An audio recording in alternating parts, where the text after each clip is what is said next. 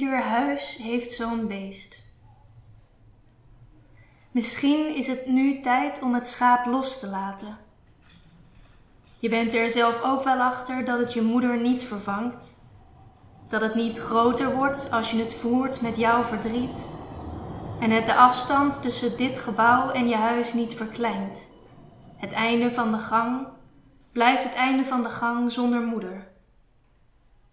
Je klasgenootje kotst de tafel onder terwijl jij ongestoord met Lego-blokjes je eigen huis probeert na te maken.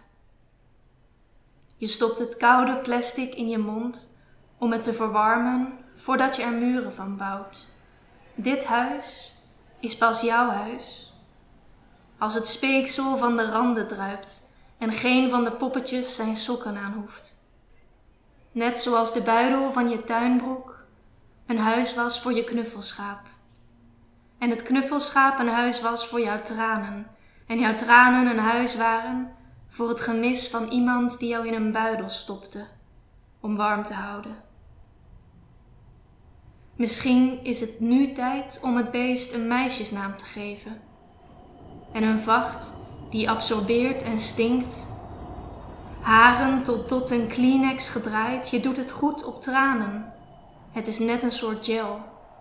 En je kunt ook trucjes, zoals apporteren en doen alsof je dood bent.